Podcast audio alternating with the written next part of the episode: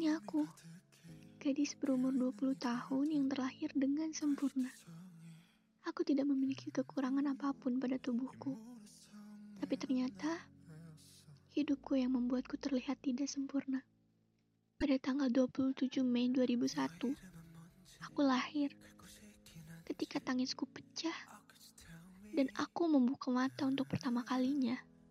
Ketika aku melihat dunia, aku tidak tahu siapa saja yang tersenyum melihat bayi mungil itu lahir. Dalam agamaku, setiap bayi harus diazani oleh ayahnya. Malang sekali aku. Ayahku tidak ada, tidak datang, tidak hadir, bahkan tidak menemani ibuku sebelumnya. Suara azan dikumandangkan oleh kakekku bukan ayahku. Aku tumbuh sebagai anak yang pintar. Aku cepat menangkap pelajaran di sekolah, dan aku memiliki cara kreatif sendiri untuk anak seusiaku saat itu. Sekedar informasi, aku tidak tinggal dengan ayahku. Dia pergi, dan ibuku sibuk bekerja agar aku bisa tetap hidup. Aku tinggal dengan nenekku, berbekal omelan setiap hari, Bahkan tak jarang tangan lembutnya mendarat keras di beberapa bagian tubuhku untuk memberiku pelajaran karena kenakalanku. Tetapi itu bukan salahnya. Aku luar biasa nakal, tidak seperti anak perempuan kecil pada umumnya. Suatu hari, aku pindah ke suatu tempat. Berkenalan dengan seseorang yang kulihat sangat dekat dengan ayahnya. Canda dan tawa yang ayahnya curahkan untuk putri kecilnya itu mengusik diriku begitu parah. Aku iri dan cemburu. Aku bahkan ingin tahu bagaimana rupa ayahku. Ketika teman-temanku membanggakan ayahnya, aku hanya bisa membanggakan nenekku yang hampir setiap hari ku dengar omelan dan teriakannya yang ditujukan padaku. Tetapi, itulah bentuk kasih sayangnya. Ia bahkan rela membiarkan aku tidur di pangkuannya ketika kami naik angkutan umum tidur di bahunya sampai aku mengeluarkan air liurku membasahi bahunya. Dia lebih dari sekedar malaikat bagiku. Dia adalah satu-satunya orang yang selalu mendukung apa pun yang aku inginkan. Pada waktunya, aku bertemu dengan ayahku. Demi Tuhan, aku merasakan bahagia yang belum pernah aku temukan selama aku hidup saat itu. Orang yang kunantikan selama aku hidup, bisa aku temui. Dia mengajakku berbicara. Dia menggendongku dan dia memberikanku mainan jika aku menginginkannya. Sampai akhirnya tiba. Dia semakin hari semakin menghancurkan impianku.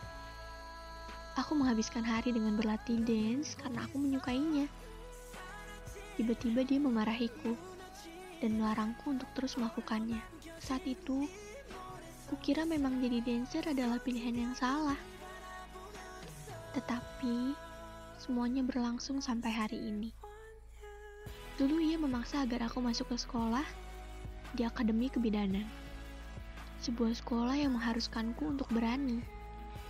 Saat itu aku takut pada darah. Tetapi karena tekanannya untukku, aku memutuskan untuk mengikuti apa maunya. Sampai ketika aku tertarik atas itu, ia malah melupakannya. Bertindak seolah ia tidak pernah meminta hal itu sebelumnya. Setelahnya, ia memaksa agar aku masuk perguruan tinggi. Melanjutkan pendidikan, ia terus menekankan kepadaku agar aku mau melakukan itu. Tetapi ketika aku sudah mau, ketika aku sudah merangkai mimpiku, selepas melesat Selepas menyelesaikan perguruan tinggiku, ia menghancurkan semuanya. Ia berkata bahwa wanita akan berakhir di dapur, yang artinya aku tidak perlu melanjutkan pendidikanku.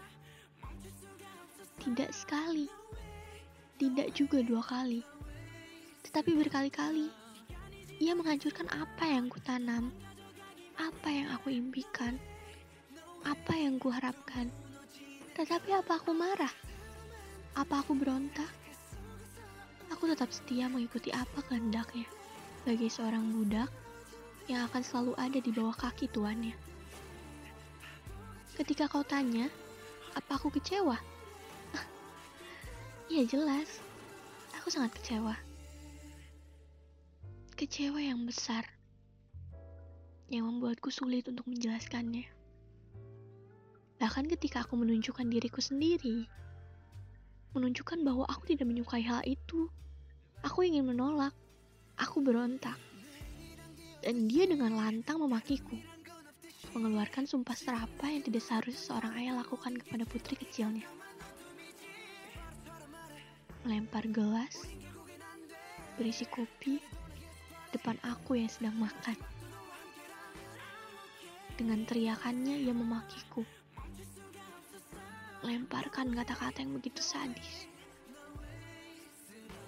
Yang bahkan binatang pun tidak akan pernah melakukan itu pada anaknya.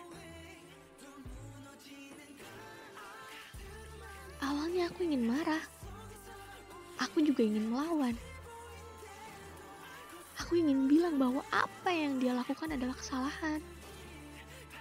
Tetapi ketika melihat air mata turun dari mata ibuku, aku menahan diri. Aku tidak masalah jika dia ingin menindasku, ingin membuatku bertekuk lutut di bawahnya. Aku tidak peduli. Asal aku tidak melihat air mata itu turun dari mata ibuku lagi. Jujur, makian itu masih terdengar. Semua kejadian itu masih terputar jelas dalam memori otakku. Dan ketika kau tanya, apakah aku akan memaafkannya?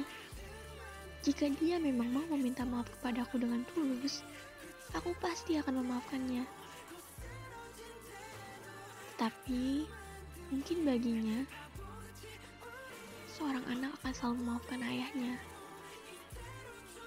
Dan itu harus. Padahal kenyataannya,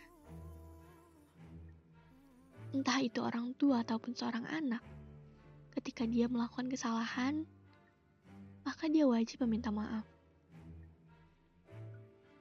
Jika dia tidak melakukan itu, apakah dia akan menjadi contoh yang baik untuk anaknya?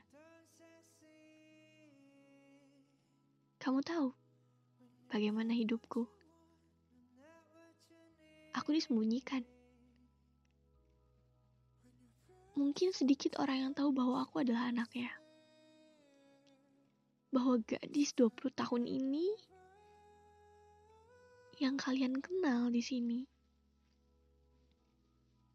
yang bisa kalian sebut sebagai ayah, orang yang selalu merekam suara-suaranya, membagikan cerita-ceritanya, adalah seorang anak lelaki itu. Hanya sedikit orang yang tahu karena dia selalu menyembunyikannya. Kadang aku merasa, apa aku begitu menjijikan sampai dia begitu malu untuk mempublis aku di depan banyak orang. Aku sudah dewasa.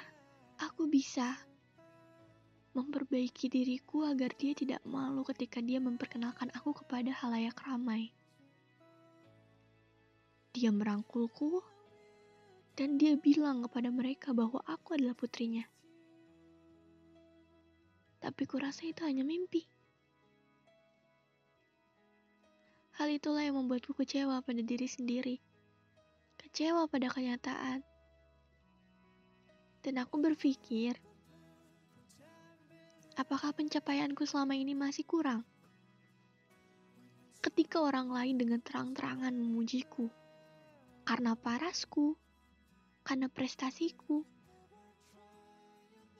mengapa dia tidak?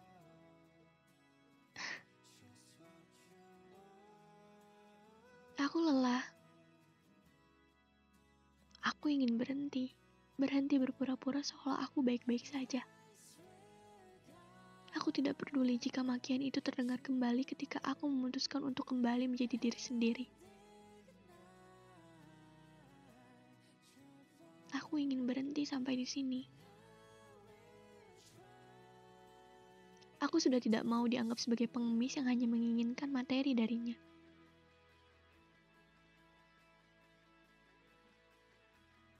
Semoga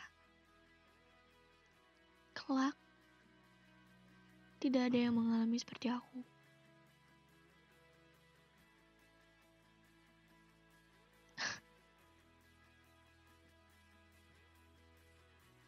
aku pamit dari hidupnya.